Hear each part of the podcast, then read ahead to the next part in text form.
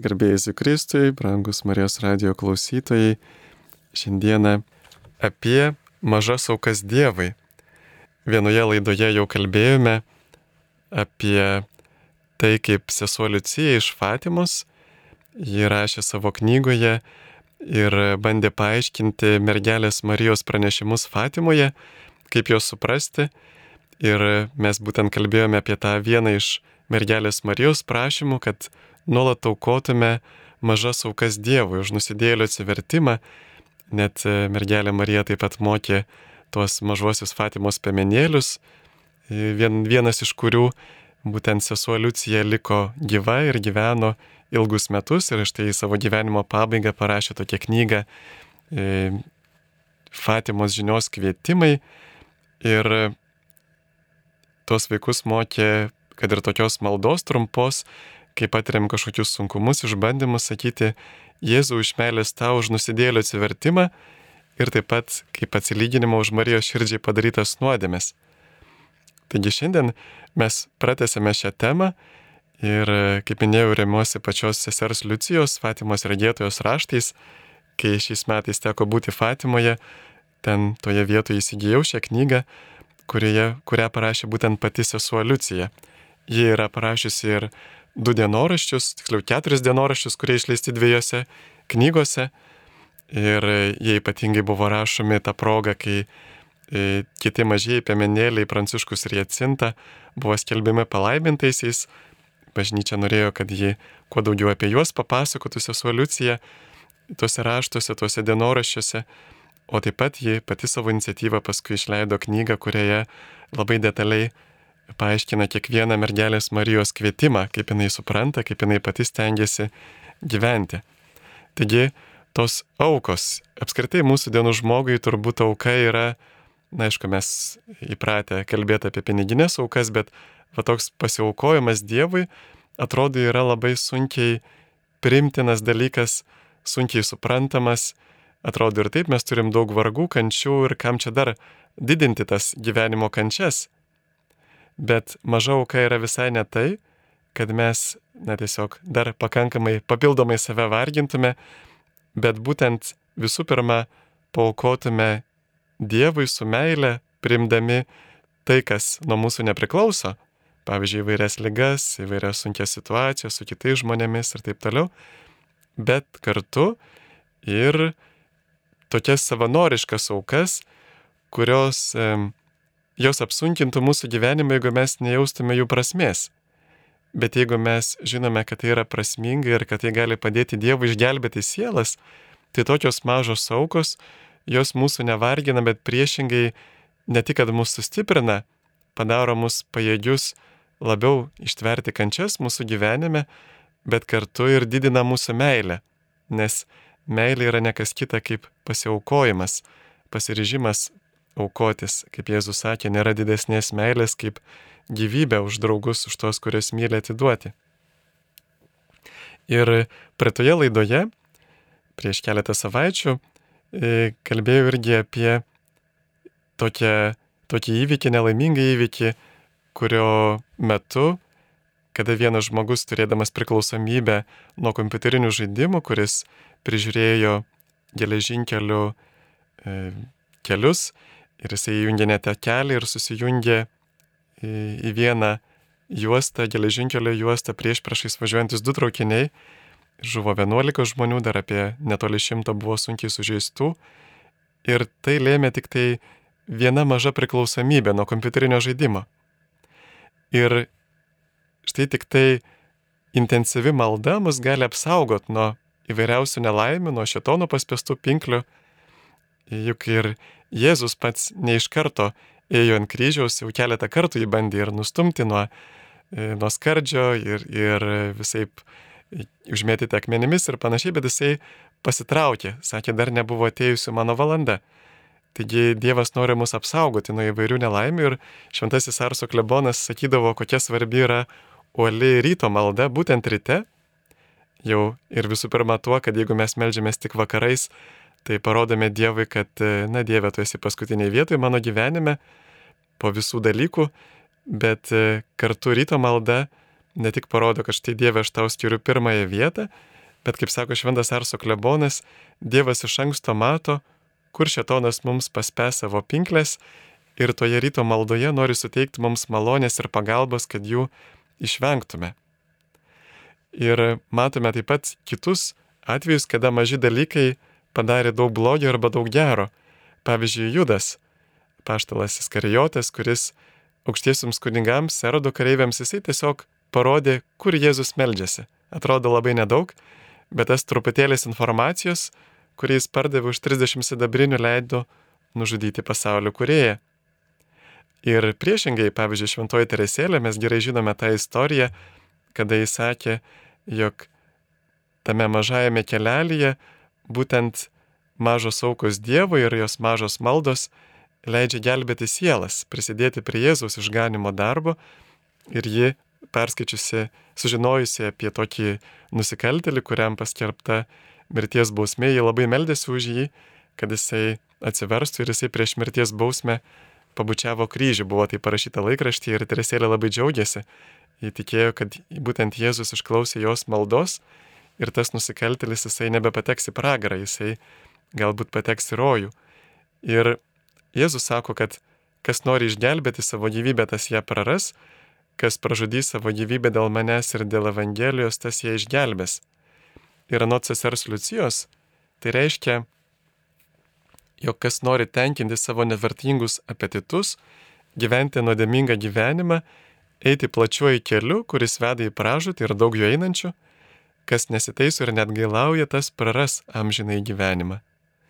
Čia laikinis žmogus, jis taip pat yra praradęs nuodėmės suvokimą ir krikščionių pastangos nenusidėti, na pavyzdžiui, išsaugoti skaistumą, nugręžti savo žvilgsnį nuo to, ko nereikia matyti, šiuolaikiniam žmogui kartais atrodo jokingos ir vertos pašaipos. Ir sesuo Liucija rašo, kas pakankamai nesiaukoja, kad eitų Jėzaus įsakymų keliu ir atsižadėtų neleistinų malonumų, puikybės, kaprizų, tuštybės, godumo, šikštumo, perdėtų patogumų, stokoja meilės ir teisingumo artimai, kratosi kryžiaus arba jį neša širzdamas, nesivienydamas su Kristaus kryžiumi, kaip jis gali būti Dievo draugu. Kartais šis mūsų kryžius būna ir kasdienis darbas, e, savo veido prakaitų valgysi duoną, Dievas sakė Domui, tokiu būdu Dievas skiria Domui vargą darbę kaip atgailą. Kartais kryžius būna įvairūs priešingumai, iškylantis kiekviename žingsnėje, kuriuos turime priimti su ramybė, kantrybė. Kartais kryžius būna netikėti pažeminimai, kuriuos turime priimti pripažįstant, kas mumise yra netobula. Turime nuspręsti pasitaisyti su dideliu pasitikėjimu Dievu, kuris visuomet padeda geros valios sieloms pasiekti e, to didesnį tobulumą, gyventi šventesnį gyvenimą, rašo sesoliucija. Tačiau Fatimoje Dievas kviečia taip pat atsilyginti ne tik tai už savo, bet ir už savo artimo nuodėmės, kurios Dievą žaidžia. Jeigu mes žaidžiame ar sužeidžiame kokį nors žmogų, mes turime stengtis kiek įmanoma atsilyginti, atsiteisti. Tuo labiau turime stengtis atsilyginti Dievui, jeigu jį žaidžiame. O geriausias atsilyginimas tai prie atsiprašymo atleisk mums mūsų kaltes yra pridėti gailestingumo artimui. Sakome tėvę mūsų maldoj, kaip ir mes atleidžiame savo kaltininkams, bei taip pat pridėti pasiryžimą pasitaisyti bei prašymą ir pagalbos ir apsaugos žodžiais ir neleisk mūsų gundyti, bet gelbėk mus nuo pikto. Taigi visa tai jau yra tėvė mūsų maldoje. Ir sesuo Liucija primena, kad Jėzus mus išmokė melstis tėvę mūsų maldę, naudojant daugiskaitą. Atleisk mums mūsų kaltes. Ir tai ir yra susijęs su Fatimo žinia, kad pasiaukotume atsilyginimui už paklydusių nusidėlių nuodėmės ir melstume jiems atsivertimo malonės. Daug sielų pražūna pragare, kalbėjo mergelė Marija, nes niekas už jas nesimeldžia ir nesiaukoja. Taigi visas mūsų gyvenimas turi tapti malda ir auka, paukota Dievui su kasdieniu kryžiumi rankose, vienintis su Kristaus kryžiumi už sielų išgelbėjimą, bendradarbiaujant su juo jo atpirkimo darbe. Ir tikrai prisipažinsiu, nežinau kaip jums, bet man iš tiesų, aš tai tos mažos aukos, pasiaukojimas, na, yra toks dalykas, kuris yra iš tikrųjų sunkus ir kurį aš visą laiką užmirštu. Ir atrodo, kad, na štai, malda, jos neužmirštu, nes malda man pačiam teikia atgaivą, gražina ramybę ir, galima sakyti, malda man pačiam yra naudinga. Bet štai, kada eina kalba apie pasiaukojimą, mažas aukas, kurios iš esmės yra skirtos kitiems, kitoms sieloms, tai labai lengva pamiršti ir reikia nuolatinių pastangų, pavyzdžiui, kad ir pasninkas. Mes žinome, kad e, mergelė Marija ir kitose vietose apsireiškimų prašė pasninkauti, pavyzdžiui, prisiminti pirmųjų krikščionių praktiką, kada pirmieji krikščionys pasninkaudavo trečiadieniais ir penktadieniais. Trečiadienis būdavo diena, kada Jėzus yra, minėdavo tą dieną, nes Jėzus tą dieną buvo išduotas, nuteistas, o penktadienis jo nukryžiavimo mirties diena ir pats Jėzus sakė, kad e, dabar ar galite pasninkauti vestuvių svečiai, kol su jumis yra jaunikis, bet kai jaunikis bus atimtas, tada tomis dienomis jie pasninkaus. Atsiprašau. Taigi mes turime nuolat suimti save į rankas ir nuolat atsiversti būtent šitoje srityje pasiaukojimą tų mažų aukų. Ir e, visas mūsų gyvenimas, kaip minėjau, jisai galėtų būti auka ir malda, paukota Dievui su tuo kasdieniu kryžiumi, rankose vienintis su Kristaus kryžiumi už sielų išgelbėjimą, bendraujant su juo atpirkimo darbe. Ir visą tai mes taip pat darome vienydamėsi su Kristaus kūnu su bažnyčia. Ji dirba, meldžiasi, kenčia, glaudžiai susivienijusi su galva Kristumi už žmonijos išgelbėjimą. Vėlgi nepamirškime, kad bažnyčios misija ir yra aukotis, dirbti, evangelizuoti, kad visa žmonija būtų išgelbėta. Ir kasdienio gyvenimo kelyje, kaip minėjau, pasirodo įvairiausių progų paukoti auką Dievui. Pavyzdžiui, rašosi solucija, smaguriavimas arba alkoholiniai gėrimai, dėl jų degraduoja žmogaus orumas, jie nusitempia žmogui purvą bei kankina tiek daug šeimų, turime išdalinti vargšams, kurie neturi būtinų pragyvenimų dalykų tai, ką būtume išvaistę, pavyzdžiui, smaguriaudami arba vartodami alkoholį. Rojų sodo prašyme Biblijoje Dievas Adomui ir Jėvai duoda sodą su įvairiausiais medžiais ir leidžia valgyti nuo visų medžių, įskyrus nuo gėrio ir blogio pažinimo medžio, nes tai pakenktų jiems patiems.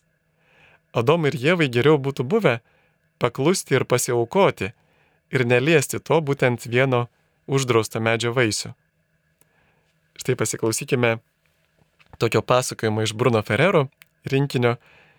Vieną popietę vienas darbininkas gavo šeimininko nurodymą sukasti sodą. Ir jis ėmė, ėmėsi to darbo labai vangiai ir pradėjo plūsti Adomą, ir kuris jo nuomonė buvo visų išnaudojimų kaltininkas, nes dėl jo nuodėmės jisai turi štai šitaip kentėti, vargti e, sunkiais, sunkiuose darbuose. Ir šeimininkas išgirdo jo, jo keiksmus Adomui ir jis priejo ir tarė, sako, ko taip širsti ant to Adomo, lažinosi, kad jo vietoje būtum pasielgęs lygiai taip pat. Tikrai ne, šovė darbininkas, argi aš būčiau tai padaręs, aš tikrai nebūčiau pasidavęs tokiai pagundai. Na, pažiūrėsim, pasakė šeimininkas ir vėliau kitą kartą jis pakvietė žemkasį pietų. Ir darbininkas atėjo į šeimininko namus, jis pakvietė jį į svetainę ir ant stalo buvo labai gardus valgiai. Ir vaišinkis, sako šeimininkas, ko tik tai nori. Tik kol grįšiu, neliesk stalo viduryje stovinčio uždengtos ribos dubens. Na, gerai darbininkas negaišo nei akimirkos, jisai atsisėdo, visus valdžius kirto iš eilės, galiausiai jo žvilgsnį prirakino tas uždengtas dubuo. Jį pagavo toks nesutramdamas malsumas, kad jis neišlaikė ir pirštų galiukais vos vos pravėrė dubens dangtį, o iš ten iššoko pelė žmogus bandė ją pačiupti, bet šie išsprūdo jam iš rankų, prasidėjo gaudynės, jisai kol vaikėsi pelė, išvartė kėdės, stalus ir išgirdęs triukšmą grįžta šeimininkas. Na matai, sako, jisai juokdamas į tavimi dėtas niekada daugiau nesipiktinčiau Adomu dėl jo klaidos. Taigi tasai žmogus iš tikrųjų pasidavė tai pagundai ir norėjo pažiūrėti į tą uždraustą dubenį. Ir štai kitas pasakojimas yra, kada mokinys su pasibjaurėjimu kalbėjo apie pasaulio žmonių godumą ir agresiją ir mokytojas jam tarė, tu man primeni vilką, kuris iki užplūdo gerumo banga. Išvykęs pelę besivaikantį katiną, jis atsigrėžė į kitą vilką savo bičiulį ir pasipiktinę surzgė, ar tik nevertėtų iškaršti tiems netikėliams kailio. Taigi, turime ugdyti susivaldymo darybę, kurie apmarina smaguriavimo įdą. Dievas, būdamas geras tėvas, rašo sesoliuciją, pasaulį pripildė didžiulę įvairovę gerų ir skanių dalykų, kuriais mes, jo vaikai, galime maitintis ir net potauti. Tačiau visuomet išlikdami klusnus Dievo įsakymams ir aukodami iš dėkingumo Dievui šią susivaldymo auką, kaip padėka už tiek daug gerų dalykų, kuriuos mums, mums duoda, o taip pat dėl stokojančių mūsų brolių ir seserų. Dievas neprašo iš visų atsižadėti visko, rašo sesoliucija, apiplėšti patiems save iš visko, viską išdalinti vargšams ir jį sekti visiškame neturte žemės gerybių atžvilgių, kaip paprašė daugelio savo išrinktųjų. Tačiau turime gyventi atsirišę nuo perdėtos meilės žemiškiams dalykams. Čia mes galim prisiminti Jėzaus pokalbį su turtingu jaunuoliu iš Evangelijos pagal Morku 10 skyrius, kada Jėzui besiruošiant iškeliauti, vienas žmogus pribėgęs puolė prieš jį ant kelių ir klausė, gerasis mokytojau, ką turiu daryti, kad laimėčiau amžinai gyvenimą. Jėzus tarė, kam vadini mane geru? Niekas nėra geras, tik vienas Dievas. Žinai įsakymus, nežudyk, nesvetimauk, nevok, neteisingai neliudik, neapgaudinėk, gerbk savo tėvą ir motiną. Tas atsakė, mokytojo aš viso to laikausi nuo pat jaunystės. Jėzus myliai pažvelgė jį ir pasakė, vieno dalyko tau trūksta, eik parduok visą, ką turi, išdalyk vargšams, tai turėsi lobį danguje. Tuomet ateik ir sek paskui mane. Po šitų žodžių tas jie apniuko ir nusiminęs pasitraukė, nes turėjo daug turto. Taigi iš tiesų jo bėda buvo ne ta, kad jis turėjo daug turto, bet kad nenorėjo juo pasidalinti su kitais. Ir Dievo motina kviečia pasiaukoti ir pasidalinti tuo pertekliumi su tais, kurie galbūt miršta iš bado. Ir vis mėgstu tai kartoti, kad mūsų dienomis mūsų atsakomybė yra didesnė negu ankstesnių kartų, nes mes dėl šiuolaikinių technologijų galėtume vienu, per vieną minutę paremti, pavyzdžiui, tikrai tuos ir badaujančius Afrikos vaikus, ir Ukrainos vaikus, ir Šventosios Žemės vaikus. Mes galime tai padaryti, mums tai reikia tik tai internetu pervesti paramą ir tai yra labai paprasta. Taigi, mums reikėtų dažnai prisiminti Mato Evangelijos 25 skyrių. Paskui jis prabils stovintiems kairėje, eikite šalino manęs prakeiktieji, jam žinau ugnį, kuri prirengta velniui ir jo angelams nes aš buvau išalkęs ir jūs manęs nepavalgydinote, buvau ištroškęs ir manęs nepagirdėte, buvau keleivis ir manęs nepriglaudėte, nuogas neprengėte, ligonis ir kalinys ir jūs manęs neaplankėte. Tuomet jie atsakys viešpatie, kadagi mes tave matėme alkaną ar ištroškusi, ar keleivį, ar nuogą, ar ligonį, ar kalinį, ir tau nepatarnavome. Tuomet jis pasakys jiems, iš tiesų sakau jums, Kiek kartų taip nepadarėte vienam iš šitų mažiausių, ne man nepadarėte. Ir jis šitie į amžinai kentėjimą, o teisėjai į amžinai gyvenimą. Vėlgi čia galime matyti tame keleivyje ir migrantus, kurie, kurių šiais laikais tiek daug, kurie keliauja dėl karų, dėl neramumų jų šalise. Matome taip, Jėzus kalba ir apie ligonius, ir apie vienišus žmonės, kur Tikrai šiais laikais vienišumas yra mūsų laikų rykštė, kaip kalbėjo motina Teresė. Taigi matome ir kalbą apie alkaną ir ištroškusi, galime prisiminti įvairiausias gražias iniciatyvas, kaip e, įvairias maisto iniciatyvas, kaip galime pamaitinti. Ir kaip motina Teresė sakydavo, jeigu negali pamaitinti šimto, pamaitink vieną. Na, mėly Marijos radio klausytojai, aš toliau tęsiu šią temą šios dienos tema su mažomis aukomis Dievui. Ir pasninkas, apie kurį jau pradėjau kalbėti, taip pat yra ypatingai susijęs su malda ir išmalda. nes e, pasninko metu mes ne tik, kad galime sutaupyti pinigų, kuriuos galime dovanoti vargšams, bet ir galime sutaupyti laiko, kurį galime dovanoti maldai. Taigi jeigu mes tik tai melžiamės, bet mūsų maldos nelydė nei, e, arba pavyzdžiui, jeigu tik tai pasninkaujame ir, ir neturime maldos ar, ar išmaldos, arba jeigu melžiamės ir mūsų maldos nelydė pasninkas ir išmalda, tai visa tai yra dar nepilna. Atsvarbu, kad malda eitų kartu su pasninku ir su išmalda. Tai atstato mūsų ir trejopą santyki, malda atstato santyki su Dievu, pasninkas santyki su savimi, išmokų susivaldymo ir išmalda santykių su kitais, atkuria teisingumą. Ir jeigu mes vien tik tai melžiamės, tai mūsų krikščioniškas gyvenimas, mūsų atgailos gyvenimas yra nepilnas, jam daug ko trūksta. Taigi, nesidalinti su vargstančiu irgi yra nuodėme, ne tik tai keiktis ar meluoti ar neklausyti tėvų. Ir nuodėmė yra ne tik blogio darimas, bet ir gėrio nedarimas, kai gali tai padaryti.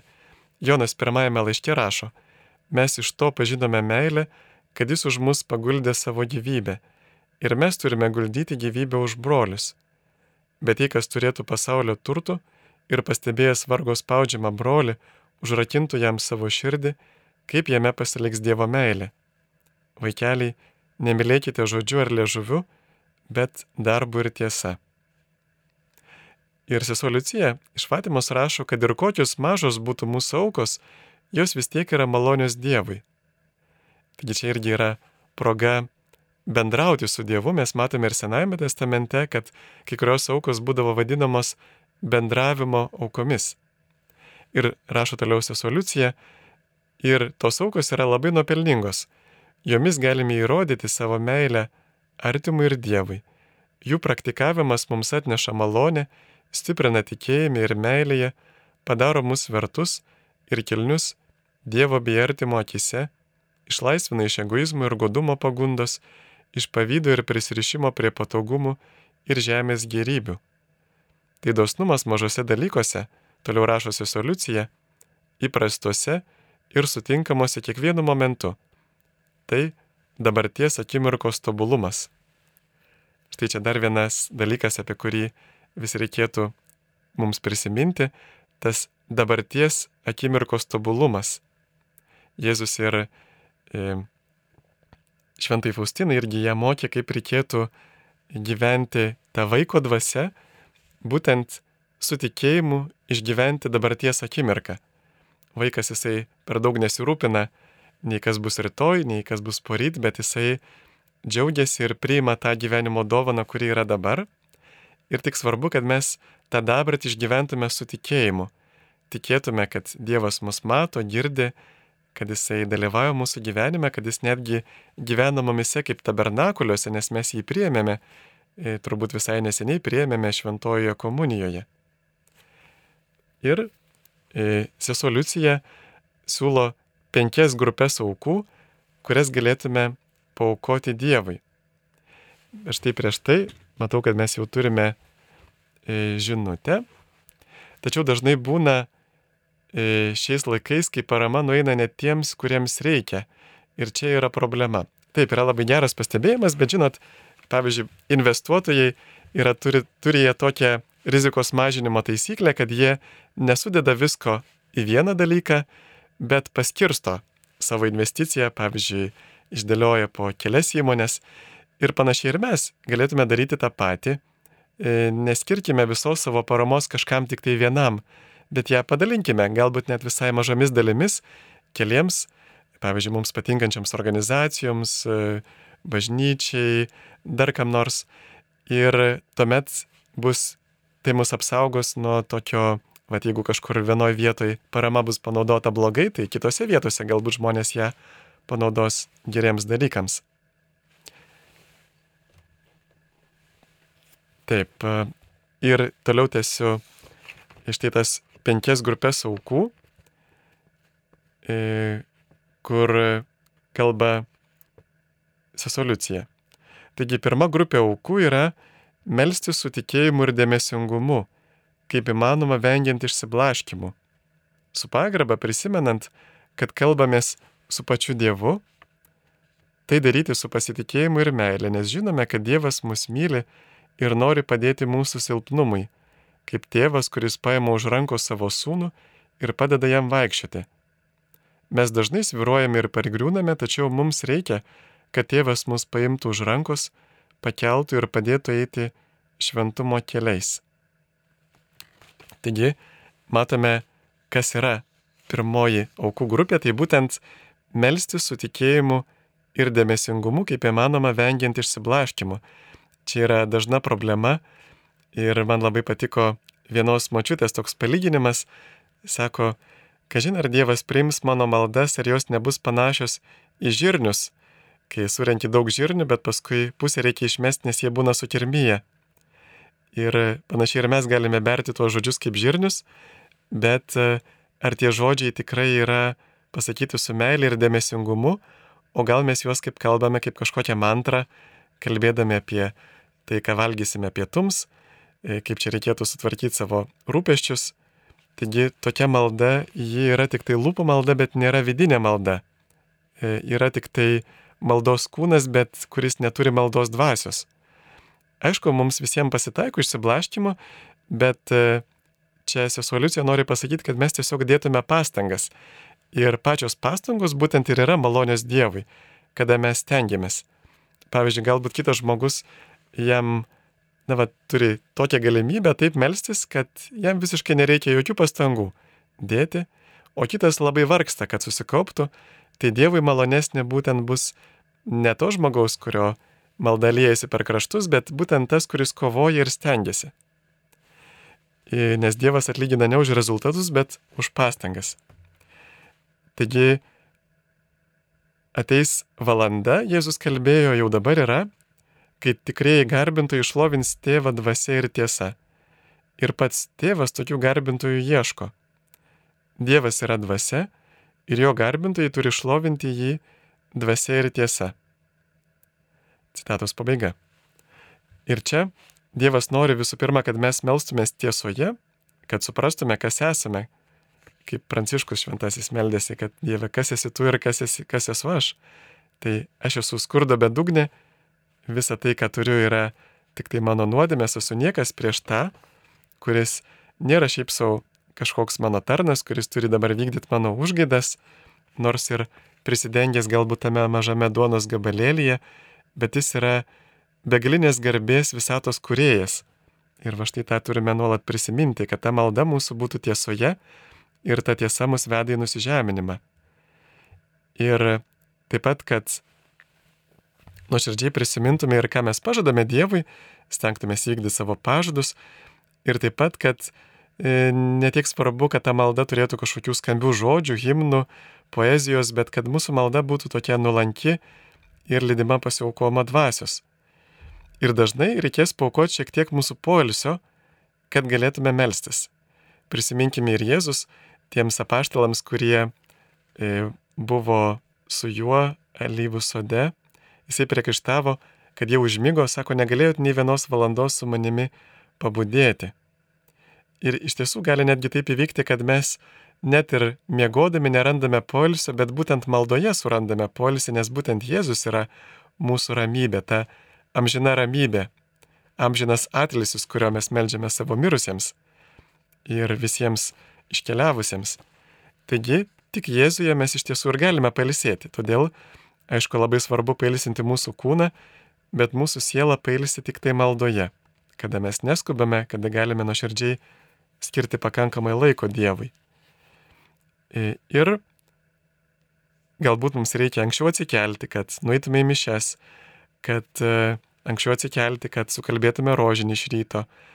Ir vakare galbūt reikia skirti daugiau laiko Ir čia maldai be abejo reikalingas pasiaukojimas. Vien tam, kad galėtume skirti laiko maldai, mes turime, pavyzdžiui, paukoti Dievui kokį nors įdomų serialą ar televizoriaus kažkokią kitą programą ar kažkokius socialinius tinklus.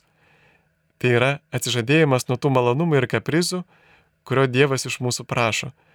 Nes mums, pavyzdžiui, kad ir tas serialas duoda labai mažai, bet mes prarandame apleisdami maldą labai daug. Galbūt netgi prarandame vienos ar daugelio sielų išgelbėjimą, kurios nesulaukusios mūsų maldos nuėjo į pragarą. Antras dalykas, galime paukoti Dievui mažus valgymo malonumo atsižadėjimus. E, kad ir tai turėtume daryti vis dėlto, kad tai netrukdytų mums turėti jėgų atlikti savo pareigas. O pavyzdžiui, rašosi solucija, vietoj vaisiaus, kurį mėgstame labiausiai, galime suvalgyti, pasirinkti mažiau mėgstamą vaisių. Ir čia tokio dalyko, kaip pavyzdžiui, jeigu yra stalas, kuriame yra na, keletas dalykų, kuriuos mes galime pasirinkti valgyti, ir tikrai nereikia visiems garsiai sakyti, štai aš šiandien pasninkauju ir aš čia jūsų su meilė parašto valgio nevalgysiu. Bet mes galime mintise vat, pagalvoti, ko aš labiausiai norėčiau ir kaip tik to dalyko atsižadėti niekam neaiškinant, pasirinkti, pavyzdžiui, kitą vaisių, jeigu aš labai noriu banano, aš vietoj to galiu suvalgyti rūkštų obolį, pavyzdžiui, taip. E, ir net ir, pavyzdžiui, motina Teresė neleisdavo savo seserims, e, kurios uoliai darbavosi dėl vargšų, e, labai griežtai pasninkauti, nes sakydavo, kad jūs tada neturėsite jėgų atlikti savo pareigas, bet mes galim patys jausti, koks pasninkavimas mums atneša naudos, o koks žalos. Aš pats prisimenu savo gyvenimą, kai anksčiau labai dažnai turėdavau skrandžio uždegimus ir jie nustojo tik tai tada, nu jų išsigydžiau tik tai tada, kada pradėjau vieną dieną per savaitę pasninkauti, kažką valgyti paprasto, e, kokią košę ar dar ką nors labai paprastai ir tai padėjo mano sveikatai. Taigi matome, kad yra pasninkas, kuris mums yra net ir labai sveikas, bet aišku, mūsų intencija turėtų pranokti šitą vien tik tai sveikatos intenciją. E, ir toliau, pavyzdžiui, mes galime atsižadėti be abejo įvairių desertų, kurie žinome, kad nėra sveiki. Vietoj gėrimo galime, pavyzdžiui, pasirinkti paprastą vandenį, kas yra, irgi yra taip pat naudinga mūsų sveikatai. Taip pat e, sesuo Liucija su vaikais tokį praktikuodavo apsimarinimą, kad kai jie, e, na, tuose kraštuose yra labai karšta, jiems turškindavo, bet jie atsigerdavo kiek vėliau, bet aišku, e, mokslininkai sako, kad va, toks būdas galbūt nėra labai geras sveikatai, kad verčiau galėtume kažką kitą sugalvoti, vandens kaip tik turime daug gerti, bet pavyzdžiui, va, kaip minėjau, atsisakyti nuo skanių gėrimų, nuo alkoholinių ypatingai gėrimų, e, galbūt pasirinkti prastesnę porciją. Štai kaip vieną pasakojimą kažkada esu pasakojęs, kaip mama iškepė blynų dviem savo sunums, vyresnis buvo Antanas, mažesnis Petriukas ir norėdama juos pamokyti, nesipešti, pasidalinti, jinai pradėjo tokią kalbą, sako vaikams, jeigu čia būtų Jėzus, jis pasidalintų pirmais blynais su broliu ir kantriai palauktų, kol iškepsiu kitus. Ir jūs taip turite elgtis. Na, kurį laiką stojo tyla. Ir tuomet Antanas ir sako Petriukui, Petriuk, tu būk Jėzus. Tai va, tai mums visą laiką norisi, kad kiti pasiaukotų. E, ir visą tai turime stengtis daryti labai paprastai, ypatingai pasninkauti, kad liktume kitų nepastebėti. Čia yra labai svarbu, nes Jėzus sakė, kad vengtume daryti savo teisumo darbus, jis sako, venkite daryti savo teisumo darbus žmonių akise, kad būtumėte jų matomi antraip, negausite užmokesčio iš savo tėvo danguje. Taigi pats blogiausias atvejis turbūt būtų, kada žmogus ateina į svečius ir e, štai jam paruošia e, šeimininkė su meilė patiekalą ir jisai sako, atsiprašau, aš šiandien pasninkauju, gal galėtumėt paruošti man žuvies arba kažką kitą ir vėl šeimininkė eina ir valandą ruošia jam kitą patiekalą, tai be abejo tai nebūtų Dievui patinkantis pasninkas. Ir Jėzus taip pat sako, kai pasninkaujate, nebūkite paniurę kaip veidmainiai, jie perkreipia veidus, kad žmonės matytų juos pasninkaujant. Iš tiesų sakau jums, jie jau atsiemė užmokestį, o tu pasninkaudamas pasitep kalėjimi galvą ir nusiprausk veidą, kad ne žmonėms rodytumės pasninkaujas, bet savo tėvui, kuris yra slaptoje, ir tavo tėvas regintis slaptoje tau atlygins. Ir jeigu mums nepavyksta paukoti mažų valgių, atsižadėjimų, kitų nepastebėtėms, tai patarė sesuo Liucija nepasiduoti nerimavimui, bet dėkoti Dievui už dovaną, kurią Jis mums suteikė. Nes negalime tikėti, kaip rašo sesuo Liucija, kad Dievas, būdamas toks geras tėvas, mumis būna patenkintas tik tada, kai mato mus apsimarinusius. Dievas sukūrė daug gerų dalykų savo vaikams ir jam patinka matyti, kaip jo vaikai jais naudojasi nepiknaudžiaudami. Dievui patinka matyti, kaip mes atliekame savo pareigas, kad šių gerybių nusipelnytume ir kai jas priimame su dėkingumu ir meilė tam, kuris pripildė mūsų gyvenimą savo dovanų. Tai galime tikrai mąstyti apie tas gausias dovanas, kurias mums Dievas duoda mūsų gyvenime ir gražią gamtą, ir saulę, ir dangų, ir visus gražias gėlės, ir visus gražius gyvūnėlius, kuriuos galbūt turite jėgų laikyti namuose, ir visus tuos skanius patiekalus, kuriuos skanius vaisius, daržovės, visą tai, ką Dievas davė, mes tikrai Dievui patinka, kad mes džiaugtumės tais dalykais ir dėkotume už juos. Ir turbūt tikrai galėtume sakyti, kad didesnis gėris yra pasiaukoti nepastebėtam mažame dalyke, kai niekas mūsų nemato, va kaip ir minėjau, kažko mintise atsisakyti, pavyzdžiui, paties skaniausio patiekalo ir rinktis mažiau skanų, bet niekam apie tai ne, neskelbent, negu viešai visiems pareikšti, kad štai aš dabar pasninkauju. Bet aišku, jeigu mes turime gryną intenciją, turbūt ir tai nebūtų blogis. Jeigu turime gryną intenciją, kartais mes irgi turime atkovoti šiek tiek, na, galbūt artimųjų spaudimo ir, na, elkimės pagal savo sąžinę. Dar vienas klausimas, žinute, kodėl reikia lankyti kalinius? Paaiškinkite plačiau, gal Jėzaus laikais kalinių padėtis buvo visai kitokia nei šiais laikais, dabar jų kalėjimuose kai kurie gyvena nei, e, nei bėdžiai laisvėje. Geriau gyvena, taip. Taip, labai geras klausimas. Teisingai, kad anksčiau kalinius lankyti, čia kaip girdėjau iš vieno kunigo, per vieną laidą būdavo iš tikrųjų artimųjų didelė pareiga, nes jų nemaitindavo. Arba maitindavo be galo, be galo prastai. Ir jeigu žmonės artimieji nelanko kalinio, tai pradiškai leisdavo jam numirti badu. Ir šiais laikais situacija kitokia ir galime galbūt pagalvoti apie tuos kalinius, kurie yra, na pavyzdžiui, pažinojau močiutę ir ne vieną tikrai pažinojau, kuri dėl sveikatos dešimt metų nėra išėjusi iš savo būto, nebent tik kaip pas gydytojus važiuoja. Pavyzdžiui, gyvena ketvirtame aukšte ir jai yra savo jėgomis labai sunku nulipti, kai nėra lifto. Arba vad kitą mačiutę pažįstu, kuri turi tik tai vieną koją ir kuri negali, nors ir turi invalido vežimėlį, bet, na, vad, jai trūksta, jinai negali pati nulipti tų kelių laiptukų pirmame aukšte, nors visa kita galbūt jai leistų situacija ir su liftas yra. Ir vis tiek reikia žmonių pagalbos, kad kažkas padėtų jai nulipti ir padėtų jai pabūti laukia. Ypatingai va, kada gamta yra graži, pavasarį, vasarą, net ir rudenį, žiemą, yra svarbu išeiti į lauką. Tai vad pažįstu visą tikrai aibę žmonių, kada jiems yra labai sunku išeiti. Jie yra tarsi įkalinti savo namuose ypatingai seneliai, ligoniai. Tai va štai tokius kalinius tikrai reikėtų aplankyti. Bet irgi pažįstu vieną merginą, kuri, kuriai buvo smegenų auglys ir kuri jau daug metų, turbūt gal apie 20 metų, yra prikaustyta prie lovos ir niekur negali išeiti. Ir iš pat pradžių be abejo žmonės lanko, rodo dėmesį, bet bėgant metams žmonės pavarksta, išsisėmė ir nustoja lankyti ir tas žmogus lieka vienišas. Tai va galėtume, na, ne taip jau paraidžiui, bet būtent tokiu būdu suprasti šitą e, kalinio aplankymą, bet be abejo, kad ir e, aš tai teko lankytis vieną kartą su alfa kursu praveniškėse ir aš niekur kitur neradau geresnės auditorijos negu ten. Tikrai žmonės buvo labai pagarbus, labai dėmesingai klausė, jiems buvo labai įdomu.